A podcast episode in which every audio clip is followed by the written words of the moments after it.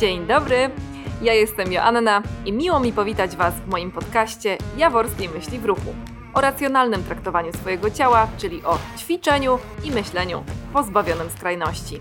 Zapraszam do słuchania. Cześć, witam Was w kolejnym odcinku po takiej troszkę dłuższej przerwie, bo rzeczywiście nie nagrywałam od prawie dwóch tygodni. No a wszystko wynika z tego, że zajęłam się trochę bardziej sobą. Poza tym miałam urlop. Nie chciałam się spinać na zabój, żeby koniecznie nagrać odcinek, tylko dałam sobie nieco wytchnienia, do czego też Was namawiam. Do takiego świadomego odpuszczenia. I to nie jest proste. Ja się tego, szczerze mówiąc, uczę w tej chwili. E, jestem między innymi właśnie w procesie terapeutycznym, ale po prostu mm, staram się inspirować osobami, które mówią o tym głośno, zachęcają, bo to serio jest mega uwalniające. I poniekąd właśnie o tym będzie ten odcinek, tylko że w przełożeniu właśnie na pracę z ciałem, na aktywność fizyczną. Na początku chciałabym powiedzieć Wam o takim porównaniu człowieka, naszego ciała do maszyny, które zresztą dawno temu zrobiłam. Dawno temu w sensie takim, że chyba z rok czy dwa lata temu na moim Facebooku. E, następnie przejdę do tematu uprzedmiotawiania i samouprzedmiotawiania siebie. To jest coś, o czym powiedziałam już kilka razy w ostatnich odcinkach, ale ostatnio doznałam kolejnego oświecenia i na podstawie między innymi mojej terapii, takich przemyśleń i jak to powiedzieć, takiego trawienia tematu, mam trochę jeszcze szerszy pogląd i podzielę się z Wami takim moim bardzo prywatnym doświadczeniem emocjonalnym. Ja nie, zwykle nie bywam e, ekshibicjonistką taką emocjonalną i doświadczeń, ale wydaje mi się, że wiele z Was e, może mieć tak samo jak ja, lub też miewało, i to po prostu może być pomocne. Więc tutaj się Wam obnażą. Zakończę wszystko tematem autodestrukcji, autoagresji, o który prosiliście mnie na Instagramie ostatnio, e, bo poruszyłam na krótko ten temat właśnie po treningu z jednym z moich podopiecznych, w którym rozmawialiśmy o tym, jak hmm, czy ultramaraton i, i tego typu aktywności nie są objawem autoagresji wobec własnego ciała, wobec własnej osoby. No i to było takie, wiecie, filozoficzne rozważanie. Ja też nie jestem psychologiem, tym bardziej terapeutą, tylko jestem bardzo ciekawa tych mechanizmów. I tutaj o tym delikatnie wspomnę, a temat postarałabym się rozszerzyć w, roz, w rozmowie ze specjalistą, e, z psychologiem, ale to nie dziś, bo dziś jest to mój indywidualny odcinek. I tylko tak szybko powiem na wstępie, jeśli macie jakieś pomysły, czy osoby, z którymi bardzo byście chcieli, żebym przeprowadziła rozmowę właśnie na temat balansu i racjonalnego traktowania swojego ciała i siebie, to z przyjemnością przyjmę takie informacje e, na którychkolwiek mediach społecznościowych, bo myślę o tym, żeby powoli zacząć może tutaj zapraszać gości i po prostu rozmawiać z ludźmi na tematy, o których ja wiem troszkę, a oni się w tym specjalizują. Ok, Przechodzimy do tematu. I tak jak Wam właśnie wspomniałam, przede wszystkim e, chciałabym spojrzeć na e, człowieka tutaj e, w porównaniu do maszyny na samym początku, co zrobiłam dawno temu i to, co powiedziałam kiedyś, napisałam w zasadzie na Facebooku, to było porównanie człowieka do samochodu. I ja byłam taka zachwycona tym porównaniem, że ono jest genialne, przecież tak właśnie jest, że nasze ciało to jest maszyna, że y, jest energia, która się tworzy, że dostarczamy paliwo, tak? To paliwo, jeśli jest dobrej jakości, ta maszyna, to auto dobrze pracuje, że musimy auto czasem przygazować, rozjeździć ten silnik mocno, ale z kolei nie możemy go zajechać, tak? Czyli potrzebne jest też autu takie mm, wyważone, wyważona praca, ale też nie powinien stać ciągle w garażu, bo też no, niewiele będzie z niego pożytku. Powinniśmy robić przeglądy tego auta i tak dalej, i tak dalej. No i rzeczywiście tak jest, tak? No bo, bo ciało z punktu widzenia właśnie tej biomechaniki i anatomii jest, y, no jest swego rodzaju maszyną. możemy mniej więcej spojrzeć na to, czego mu dostarczamy i jaki efekt to przynosi. I wspaniale. Tylko, że, tak jak powiedziałam, To było jakieś dwa lata temu i dziś już jestem bogatsza o kolejne wnioski. Mianowicie uważam, że to jest bardzo płytkie spojrzenie. Może ono rzeczywiście przekłada się bardzo dobrze na, na, na to ciało pod kątem stawów, ale my jesteśmy ludźmi. My nie jesteśmy maszynami. My może mamy w sobie elementy tej maszynerii, że tak powiem, ale my nią nie jesteśmy. Warto ten temat rozwinąć o nasze wnętrze, o emocje, o stany, nasze przemyślenia, o to, jakie mamy przeżycia, jakie mamy traumy, o to, jakie mamy przekonania o świecie czy też o sobie.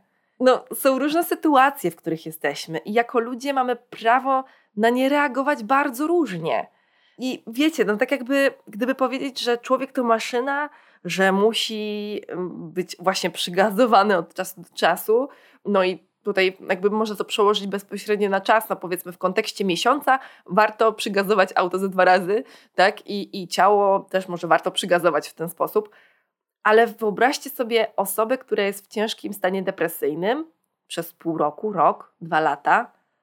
No to trudno potraktować taką osobę tak wręcz brutalnie i kazać jej się przygazowywać. To jest po prostu, po prostu głupie.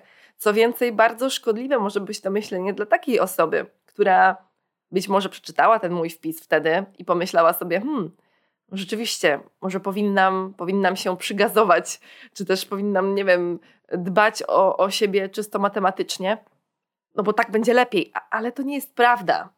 Poza tym wszystkim, że mamy emocje w sobie, które odczuwamy i właśnie te stany i sytuacje, jest chociażby w kontekście właśnie paliwa, czyli tego pożywienia, i w kontekście głodu coś takiego jak głód emocjonalny. Mamy owszem ten głód fizyczny, czyli to, że potrzebujemy zjeść, bo, no bo jesteśmy głodni, mamy pusty żołądek, potrzebujemy energii, ale jest też głód emocjonalny. Potrzebujemy zaspokoić swoją chęć czy potrzebę zjedzenia konkretnego posiłku. Plus pamiętajmy, że jedzenie nie jest dla ludzi, dla społeczności wyłącznie paliwem.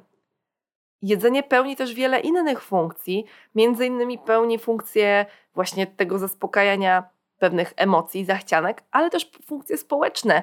No i co w momencie, kiedy nie wiem, no dbam jakoś tam o swoją racjonalną dietę idę na spotkanie ze znajomymi, to będę szła ze swoim pudełkiem? No nie, bo, bo to jest też funkcja społeczna, wspólny posiłek, wspólne jedzenie.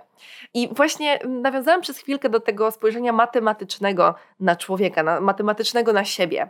I to dopiero jest głupie. I o ile kiedyś rzeczywiście popełniłam w pewnym stopniu błąd, e, mówiąc o tym, że no, ciało jest jak maszyna, jest jak samochód, o tyle zarówno wtedy, jak i dziś uważałam zawsze, że cyfry i człowiek to nie jest jedność, że cyfry owszem są jakoś, jakimś takim wyznacznikiem dla pracy człowieka, pracy ludzkiego organizmu, ale pamiętajmy o tym wnętrzu, bo nie tylko cyframi żyjemy. Mam tutaj na myśli mierzenie masy ciała w kilogramach, wyznaczanie tego BMI, tak? czyli tego, czy nasze ciała jest w normie, czy też yy, mamy nadwagę, otyłość i którego stopnia. Poziom tkanki tłuszczowej.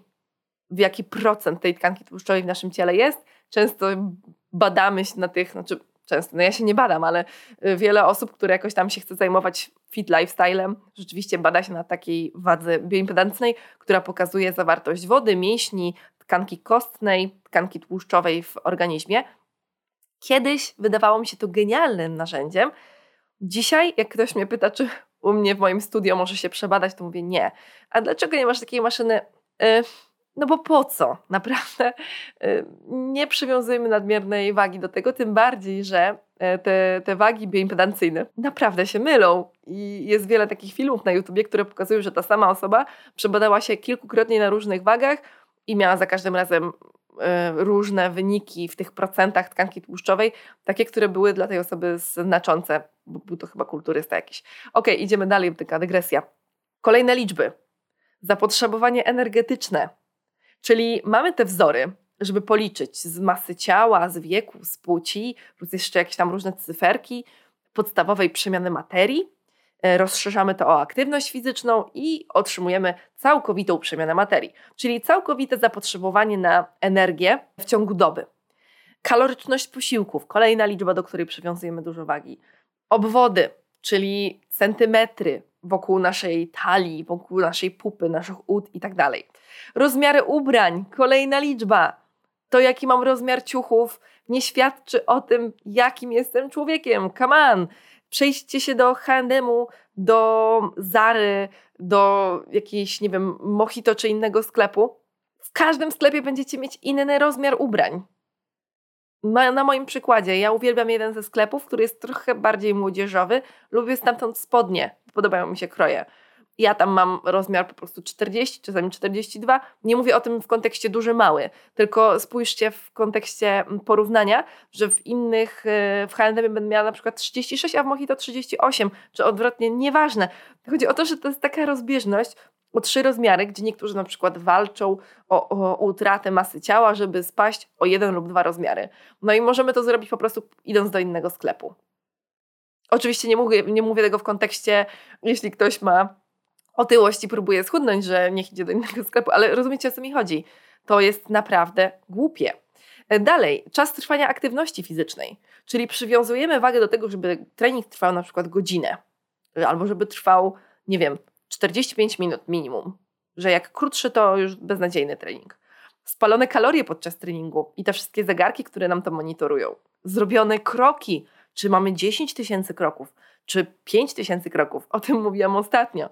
Godziny posiłków. O której godzinie posiłek? Czy o 8 rano śniadanie? No to poczekajcie, to 3 godziny później Około 11 będzie drugie śniadanie, potem jakieś 3 e, godziny później, około 14 obiad, 4 mm, godziny po, po obiedzie mogę zjeść kolację, no to będzie mniej więcej godzina 18. Ok, kończę mój dzień jedzeniem.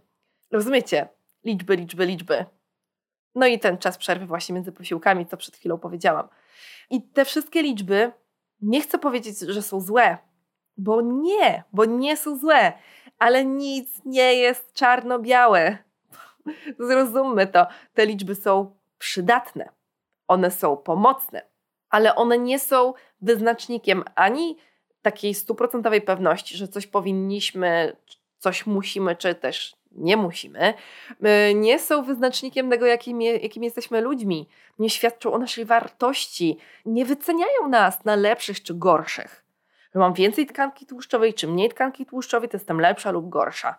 Jakby, come on, to nie o to chodzi jesteśmy różni. Kolejna sprawa z tą podstawową przemianą materii, całkowitą przemianą materii.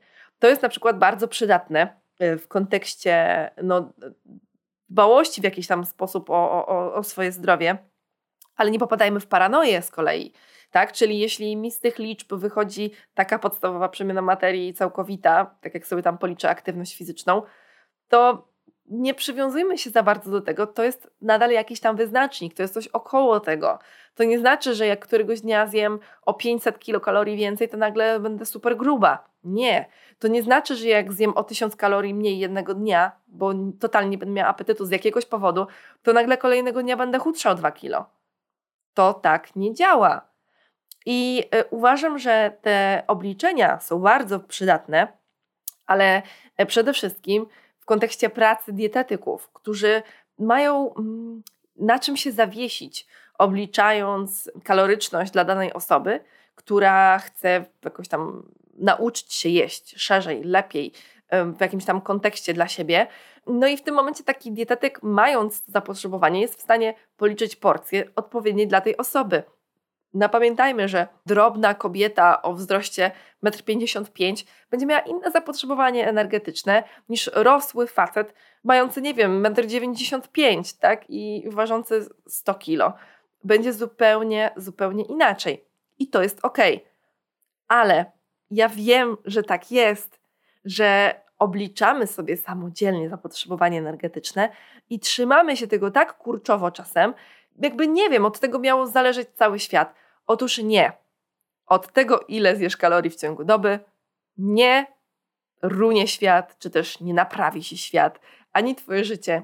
Owszem, to jest jakoś tam ważne, ale nie aż tak ważne, jak wielu z nas się wydaje. Kwestie masy ciała w kilogramach i mierzenia obwodów Ja rozumiem, że wiele z nas walczy z tym, żeby walczy. No właśnie, i to jest też złe. No dlaczego walczymy ze swoim ciałem? Cholera jasna, to jak mnie to denerwuje. I jeszcze sama to powielam. Widzicie, odruchowo powiedziałam walczy. Wiele z nas pracuje na, nad swoim zdrowiem poprzez y, dbanie o jakiś taki balans właśnie aktywności fizycznej i żywienia. Uczą się tego na przykład na nowo, bo mają bardzo niezdrowe nawyki, nawyki destrukcyjne dla swojego organizmu, wyniesione czy z domu, czy skądkolwiek. No i pracuję nad tym, y, żeby, żeby to ciało poprzez zmianę swojej objętości rzeczywiście no, zmierzało w kierunku zdrowia, czy też właśnie poprzez tą dietę i aktywność fizyczną zmieniało swoją objętość oraz bywało zdrowsze. Ta wersja jest najlepsza. No i właśnie w tym momencie te obwody i masy ciała rzeczywiście jest jakimś tam wyznacznikiem, w którą stronę zmierzamy. Tylko, że kiedy mierzymy się i ważymy, nie wiem, raz na dwa tygodnie, raz w miesiącu, no myślę, że maksymalnie raz w tygodniu, jeśli chodzi o kilogramy, ma, ma to jakiś sens. Ale wiem, że są osoby, jest ich straszliwie dużo, które wchodzą na wagę cały czas, codziennie, albo cztery razy w tygodniu, lub w ogóle nie wchodzą, bo się boją. Co zobaczcie, yy, powoduje w naszych głowach. Jeśli ja przez pół roku, parę miesięcy w ogóle się nie ważę, bo boję się zważyć, nie dlatego, że mi się nie chce, czy mam to gdzieś, bo znam takie osoby, jest ich bardzo mało, ale owszem, są takie na świecie. Ale jeśli ja się boję wejść na wagę, to stawiam ten, tą moją masę na jakimś piedestale, tak jakby była super ważna, jakby świadczyła o tym, jaka jestem i miała totalnie wpłynąć na moje samopoczucie. I to się dzieje w praktyce. Rzeczywiście ta masa ciała wpływa, te kilogramy wpływają na samopoczucie. To też nie jest dobre i to nie jest zdrowym objawem. Nie będę teraz rozpatrywała może każdej z tych liczb, którą wymieniłam, ale rozumiecie mój ogólny przekaz. Chodzi o to, że te liczby są jakąś pomocą dla nas, są wyznacznikiem, ale my nie jesteśmy maszynami i nie możemy matematycznie siebie wyliczyć. Bo tak jak mówię, są pewne stany emocjonalne, są stany hormonalne, są stany chorobowe w naszym organizmie, które znacząco to mm, jakoś tam zmieniają. Czyli w momencie, kiedy na przykład mam bardzo stresowy moment, kiedy ten kortyzol mi skacze, adrenalina mi skacze, ja totalnie nie mam apetytu i nie jem, ale też kiepsko śpię, źle się regeneruję, no to ciężko wymagać od siebie, żeby to ciało teraz dobrze funkcjonowało, żeby, nie wiem, pięknie pracowało, żebyśmy mieli wiele energii w ciągu dnia. My będziemy po prostu wykończeni. I zamiast robić trening, nasze ciało powie snu, snu, dobrego snu, albo odpocząć, albo wpadniemy w jakieś stany nieprzyjemne, w smutek zalewający nas z powodu zmęczenia, jakiejś takiej złości i bezradności. I wtedy te liczby nie będą po prostu się sprawdzały. I przywiązywanie się do tego jest po prostu złe, nadmierne przywiązywanie się do tego. W momencie, kiedy omijamy te stany emocjonalne, te wszystkie stany wewnętrzne, uprzedmiotawiamy siebie. Czyli jest to temat, o którym mówiłam w ostatnich odcinkach, tylko że na podstawie książki Obsesja Piękna w kontekście takiej atrakcyjności, bycia eksponatem, tak? Czyli kiedy nie traktuję siebie jak człowieka, tylko jak coś, co ma pięknie wyglądać, no to uprzedmiotawiam siebie. No i mówiłam też, że pozytywnie skorelowane z samouprzedmiotowieniem się jest zatracanie świadomości introceptywnej, czyli to jest wrażliwość na bodźce wysyłane przez organizm, jak głód czy sytość na przykład, lub świadomości introspektywnej. Czy nie lub, no to funkcjonuje razem, a świadomość introspektywna to wrażliwość na emocje, właśnie na te stany. No i to samo uprzedmiotawianie ma trochę szerszy kontekst właśnie niż tylko wygląd. Ja ostatnio odkryłam, że my traktujemy siebie jak maszyny nie tylko w kontekście żywienia, aktywności fizycznej, spalanych kalorii, ale chociażby w kontekście pracy. My traktujemy siebie bardzo często jak roboty do pracy, do wykonywania zadań i obowiązków. Nie dajemy sobie prawa do odpoczynku, yy, mamy jakieś wymagania do idealnego wykonywania zadań. I ja ostatnio, słuchajcie, na swojej terapii odkryłam, że no właśnie siebie tak traktuję. jakiś czas temu e, moja terapeutka, pani Magda, zapytała się mnie, na jakim poziomie muszę wykonać swoją pracę, żebym była zadowolona. Takiej skali procentowej. Narysowałam sobie oś i mówi, no słuchaj Asiu, no i w którym przedziale ty jesteś jakimś takim procentowym, gdzie byś określiła, że jesteś zadowolona ze swojej pracy? No i ja powiedziałam, że to musi być minimum 80% takiego stanu idealnego wykonania pracy lub chętnie dużo więcej. Najchętniej to w ogóle 90%. No i okazuje się, że jest to procent takie strefy frustracji, a powyżej 90 do 100 to jest strefa cudu. I ja w tych strefach funkcjonuję. Moja praca powinna być wykonana idealnie. Wiecie, ja z chorego perfekcjonizmu, no leczyłam się już dawno temu i myślałam, że mam to za sobą. Od zawsze wszystkim powtarzam, perfekcjonizm jest nieskuteczny, bo bardzo dobrze rozumiem to wszystko. Ja to rozumiem. Ale w momencie, kiedy przykładam na siebie, to ja tego nie czuję. Ja zupełnie tego nie czuję. Okej, okay, ja rozumiem, że wszyscy robią rzeczy racjonalnie, tak aby były zrobione, żeby były skuteczne. Nie muszą być na 100%, ale ja muszę zrobić na 100%. Rozumiecie? I gdzieś tam taka mieszanka się zrobiła w mojej głowie, że z jednej strony racjonalnie wiem, że to jest nie okej, okay, ale emocjonalnie myślę sobie, że nie, no że ja muszę zrobić to w ten sposób. I tak było do niedawnego czasu, do momentu, kiedy zaczęłam kminić właśnie kwestię uprzedmiotawiania siebie. I jak grom z jasnego nieba spłynęła na mnie myśl: Jezu, przecież ja mówię o tym, że nie traktuję siebie jak przedmiot, bo w kontekście masy ciała, atrakcyjności, wyglądu jest okej. Okay jest okej. Okay. Ostatnio nawet przytyłam kilka kilo i kiedyś miałabym z tym olbrzymi problem. Ale teraz stanęłam na wagę, zobaczyłam, że jest po prostu jest dosyć sporo więcej nawet i nie poczułam z tym nic nadzwyczajnego. Jakby było tak, no okej, okay, rozumiem, po prostu wyznacznik, widzę co się, co się stało, wiem dlaczego, nie mam z tym, w związku z tym żadnego wstydu w sobie. Po prostu tak jest, bo taka jest sytuacja, bo takie miałam ostatnio stany, tak, tak się czułam, tak jadłam, no i efekt po prostu jest. Poczułam jednak w związku z tym, słuchajcie, taki delikatny smutek. I jak powiedziałam o tym pani Magdzie, to pani Magda zapytała mnie, ale dlaczego ten smutek? O co chodzi? I ja poczułam pewną stratę. Stratę tego, że kurde, że ja jednak jestem człowiekiem, że ja nie mam jakichś nadludzkich mocy do bycia ciągle w takiej swojej stałej masie ciała, bo dotychczas tak było po prostu, słuchajcie, zawsze miałam taką, oscylowałam 2-3 kilo w górę, w dół, to było dla mnie normalne. Zresztą jakiś czas temu mówiłam o tym w podcaście, rzeczywiście jeszcze mając tamtą dawną masę ciała i teraz nagle przytyłam i ja zrozumiałam, że ej, Aśka, ty jesteś człowiekiem. Ty po prostu, jeśli ćwiczysz trochę mniej, jeśli jesz trochę więcej, to jesteś tak jak każdy inny człowiek na Ziemi. Po prostu nabrałaś masy ciała. I zaraz za tą myślą przekłam to właśnie w tą pracę i w ten brak prawa do odpoczynku i konieczność wykonywania zadań na jakimś turbo poziomie. No i właśnie efektem między innymi tych rozkmin i zrozumienia tego, ale takiego takiego poczucia tego. Jakiś czas temu pisałam wpis na inst Instagramie o tym, że wszystko jest procesem, że coś, co dawno usłyszeliśmy, albo coś, co ktoś nam kiedyś powiedział, kiedyś zrozumiemy. Ale tak naprawdę zrozumiemy, my to poczujemy. I jest wtedy takie, a to o to chodziło, no to teraz rozumiem, czuję to. I właśnie dokładnie to miałam. Coś, co wiem już od bardzo dawna, co, o czym mówię, jak ktoś się mnie pyta, prosi o radę, no to mówiłam w sposób odpowiedni, właściwy, racjonalny, tak jak powinno być. Ja to teraz poczułam, po prostu co za jasność. I dla niektórych z Was może się to wydawać głupie albo dziwne i tak, ej, serio, naprawdę, dopiero? Tak, kurde, dopiero. Dla mnie to jest okej. Okay. Fajnie, że teraz, a nie w wieku, nie wiem, 80 lat. To jest super.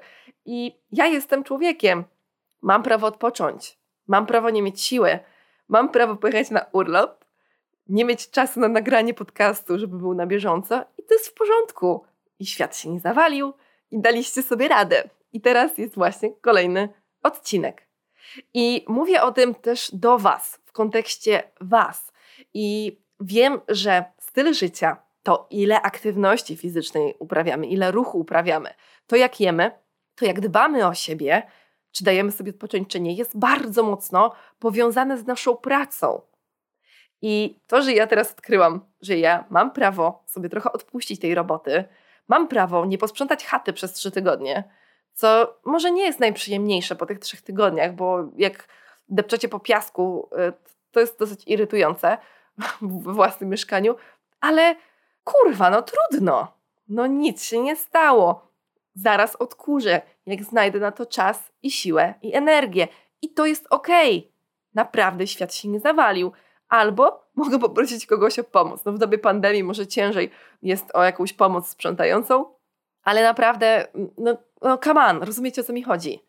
I bardzo bym chciała, żebyście przełożyli to na siebie. Bardzo bym chciała, żebyście przełożyli, przełożyły i przełożyli to, co w tym momencie mówię, na swoje życie, na to, jak podchodzicie do aktywności fizycznej. Oto, że na przykład jakby w każdą stronę, że aktywność fizyczna, ruch nie musi być wykonywana zero-jedynkowo. Czyli jeśli macie okres w swoim życiu emocjonalny, że nie jesteście w stanie ćwiczyć regularnie, to postarajcie się chociaż pospacerować i tak dalej. To, nie, że nie zrobicie treningu przez trzy tygodnie, nie jest tragedią. Okej, okay, to może nie przybliży Was do jakichś tam celów sprawnościowych czy, czy coś, ale jeśli zrobicie takie minimum, żeby chociażby się poruszać, pochodzić, pospacerować, to już będzie Waszemu ciału dawało pozytywny, pozytywny efekt. Z kolei z drugiej strony właśnie, w momencie, kiedy jesteście tak zapracowani, że mówicie, nie mam czasu na aktywność fizyczną, nie mam czasu ćwiczyć, bo nie mam czasu, mam tyle obowiązków, to zastanówcie się, które obowiązki jednak są bardziej w waszej głowie ustawione po prostu priorytetowo, a wy jako organizmy, jako ludzie, jako ciała i dusze spadliście gdzieś niżej, że ta praca wyszła trochę do przodu za mocno. Może warto jednak coś zmienić, żeby znaleźć czas na ten trening, na tą aktywność fizyczną w jakiejkolwiek formie, dla siebie po prostu. Dla swojego zdrowia tu i teraz, ale też dla inwestycji na przyszłość. Bo uwaga, nie jesteśmy maszynami, jesteśmy ludźmi. Mam nadzieję, że poczujecie to w końcu tak jak i ja. Ci z Was, którzy tego nie czują, oczywiście. No i słuchajcie, to jest po prostu bardzo uwalniające. Bardzo uwalniające, kiedy, kiedy do końca to zrozumiemy, że my mamy prawa do ludzkich zachowań, emocji, ale mamy też prawo do choroby. Mamy prawo się przeziębić. Ja ostatnio byłam przeziębiona, co prawdopodobnie słyszycie, bo weszło mi w zatoki. No, jak panna wychodzi z lekko mokrą głową, myśląc, że jest wiosna i ciepło, a nie, tak nie do końca, to potem ma zapalone zatoki i tą panną byłam ja. E, no i no tak, no po prostu na zatoki mi padło, więc teraz mam troszkę zatkany nos. Wybaczcie, myślałam nawet, czy nie nagrać go, tego podcastu jutro albo pojutrze, jak mi przejdzie. I sobie pomyślałam, cholera jasna, no bez przesady, mam prawo mieć przytkane zatoki. Może nie brzmi genialnie, ale treść zrozumiecie. Mówię wyraźnie, dość. Mamy prawo do tego, żeby nie mieć sił, mamy prawo odpuszczać. I to jest w porządku. Mamy prawo być po prostu ludzkimi organizmami, a nie maszynami. I tak jak obiecałam w końcowej tej części podcastu, tego odcinka, chciałabym nawiązać do tego, że kiedy odłączamy się właśnie od środka, od tych emocji, tracimy tą świadomość introspektywną, co gorsza, nie potrafimy przeżywać dobrze naszych emocji, nie rozumiemy ich, nie wiemy, co się w nas dzieje i w ogóle się nad tym nie zastanawiamy, ale te stany emocjonalne różnych emocji, smutku, złości, radości, lęku, to wszystko się w nas intensyfikuje, to się w nas potem konteneruje, czyli zbiera. Gromadzimy te wszystkie emocje w sobie, w środku, gdzieś tam, przez co cały czas rośnie w nas napięcie. No i im dłużej kontenerujemy te uczucia, słabiej rozpoznajemy, co w nich jest i jakie one są. Tracimy kontakt z tymi uczuciami i im bardziej nie wiemy, co się w nas dzieje, tym bardziej rośnie w nas napięcie, i znowu mamy coraz mniejszy kontakt z tym, co jest w nas zgromadzone. No i to wszystko się miesza, totalnie miesza. I w kontekście autodestrukcji, jakby ten cały mechanizm jest no, bardzo przykry, bo uszkadzamy siebie w celu rozładowania tych, tych emocji, tego napięcia. My nie wiemy, co w nas jest, więc czujemy potrzebę tego mm, jakby rozładowania tego napięcia. No i niektórzy z nas robią to w formie autodestrukcyjnej. I nie jest to nawet złość do siebie, ale jak twierdzą autorki miejsca, z którego czerpię wiedzę, o czym Wam powiem na końcu, to jest nawet wściekłość do siebie. To jest implozja do środka, czyli wywalamy te wszystkie emocje w środek, w siebie, skupiamy je w sobie. No i y, jak objawia się taka autodestrukcja? Y, ostatnio powiedziałam o tym właśnie w kontekście tego ultramaratonu, tej destrukcyjnej aktywności fizycznej, na którą sami podejmujemy decyzję, że ją zrobimy.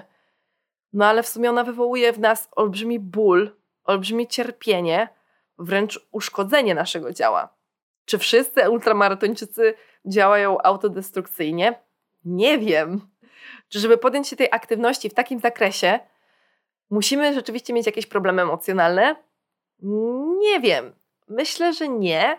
Może trochę tak. Mam taką swoją cichą mm, teorię. Nie wiem, czy ona jest prawdziwa, pewnie ktoś to już dawno sprawdził, ale, ale jakby w tym temacie tak głęboko nie siedzę. Mam taką teorię, że wszyscy zawodowi sportowcy o bardzo wysokich osiągnięciach mają w sobie rzeczywiście coś, co rozładowują tym, tym sportem w tak silnym zakresie, no bo mm, wydaje mi się jednak, że ten balans jest takim świadectwem najlepszego zdrowia. Ale to nie jest pewność, to jest taka moja prywatna teoria. Jeśli się nie zgadzacie, śmiało do mnie napiszcie, może ktoś z Was uprawia sport w bardzo intensywny sposób. No dobrze, ale y, jak się ta autodestrukcja objawia? Między innymi myślami i próbami samobójczymi, negatywnym myśleniem na własny temat, to myślenie jest nasycone wrogością i pogardą, no i między innymi właśnie wobec swojego ciała wiem, że to się też zdarza, nie patrzenie w lustro, o czym mówiłam w odcinku o patrzeniu właśnie na, na siebie poniżanie siebie, odmawianie sobie praw. I tutaj właśnie autorki mówią o ekstremalnych ćwiczeniach, o katowaniu się w sporcie. Skoro czegoś nie zrobiłeś, to się ukażesz, tak? Albo w kontekście katowania się właśnie mm, za, za pożywienie, za jedzenie. Taka agresja w własną stronę, że jestem do bani.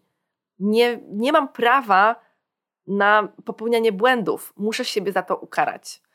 Poza tym mówię o przepowiadaniu sobie katastroficznych i niszczących wydarzeń, takiej codziennej apokalipsy, prowokowanie negatywnych i uszkadzających reakcji otoczenia, wystawianie siebie na odstrzał, ryzykowanie własnym zdrowiem i życiem, ignorowanie zdrowia i bólu. No i tutaj w jakiś sposób rzeczywiście wpisuje się ten ruch taki, taki bardzo bolesny i destrukcyjny. Zaniedbywanie samoobrony przed zagrożeniami, ryzykowne wystawienie się na niebezpieczne sytuacje – Poza tym zaburzenia odżywiania, czyli kontrolowanie, monitorowanie, niejedzenie, obiadanie się, wszelkie formy, wiecie, bulimii, anoreksji, różnych miksów i jeszcze innych zaburzeń odżywiania, no to jest ewidentnie krzywdzenie siebie. No poza tym zachowanie nałogowe prowadzące do kosztów emocjonalnych czy też mentalnych, zachowania obsesyjno-kompulsywne, stany, w których permanentnie monitorujemy, jesteśmy ciągle czujni i spięci, wewnętrzny sabotaż, staranie się, budowanie czegoś, a na koniec niszczenie tego wszystkiego. I jakby nie dochodzi generalnie do skutku. Poza tym samookaleczanie, czyli tutaj autorki mówią o przykrywaniu bólu psychicznego bólem fizycznym. I tutaj też bym widziała w pewnym sensie taki sport. I yy, jak ten mechanizm działa? No, dzięki tym zachowaniom pojawia się w nas taka pozorna ulga, takie chwilowe odładowanie napięcia, tylko, że później, zaraz po tym wszystkim, zaczynamy czuć pustkę, takiego kaca moralnego. Jak sobie dokopiemy, to przyjdzie odrobina spadku tego napięcia, chwilowa ulga, a zaraz po niej znów pustka. Nieraz jest to na nie smakiem czy poczuciem zagubienia, tak mówią autorki. No i wiecie, to wszystko się nakręca. To działa jak kołowrotek. I wydaje mi się, że te zachowania autodestrukcyjne to już jest taka naprawdę bardzo trudna, bardzo skrajna droga, która wymaga po prostu psychoterapii. Nie wiem, na ile jest to temat popularny, na ile często się takie zachowania autodestrukcyjne przejawiają w ludziach. Niestety wiem, że zdarzają się częściej niż nam się wydaje, bo znam je, bo je obserwuję, bo obserwowałam wielokrotnie i widzę, jak szerokie jest to spektrum zachowań, szczególnie teraz po lekturze kilku artykułów na ten temat, tej autodestrukcji, autoagresji wobec siebie, no kurczę, to, to nie jest tak y, rzadkie, jakby nam się wydawało, a wiemy, że to będzie bardzo szkodliwe. Na pewno ten temat autodestrukcji warto byłoby rozwinąć z kimś, kto wytłumaczy dokładnie to zjawisko. Może to zrobię, jeśli macie ochotę, to dajcie znać. Ok, zatem słuchajcie, podsumowując cały ten odcinek. Jesteśmy ludźmi, nie jesteśmy maszynami. Nie uprzedmiotawiajmy siebie, pomyślmy o tym, o nas samych, wczujmy się w to, jakimi jesteśmy organizmami, bo to naprawdę pomaga odnaleźć takie powiązanie, taką, takie connection z naszym środkiem, z naszymi właśnie emocjami, z głodem i z sytością. I w momencie tego powiązania, kiedy tego powiązania nie mamy, kiedy odłączamy się od ciała, mogą się dziać rzeczy złe albo wręcz rzeczy tragiczne, bo możemy właśnie doprowadzać do takich zachowań autoagresywnych. I kurczę, no zakończyłam ten odcinek mało optymistycznie, więc może wymyślę teraz coś optymistycznego na koniec. Nie, nie wymyślę. Może to ze względu na moje zatkane zatoki. Słuchajcie, ja Wam życzę, y, żebyście wczuli się po prostu w, w siebie. Jak to zrobicie, jakie macie metody? Nie wiem, ale na pewno macie swoje. Trzymajcie się ciepło, bardzo Wam dziękuję za spędzenie czasu ze mną. Troszkę się rozgadałam, mam nadzieję, że nie było to zbyt chaotyczne ze względu na moje przyziemienie, ani że nie brzmiałam jakoś dziwnie. Trzymajcie się, zapraszam na Myśl w Ruchu na Instagramie oraz y, Myśl w Ruchu na Facebooku oraz do pisania do mnie maili na podcast małpa myślwruchu.pl. Trzymajcie się, pa pa!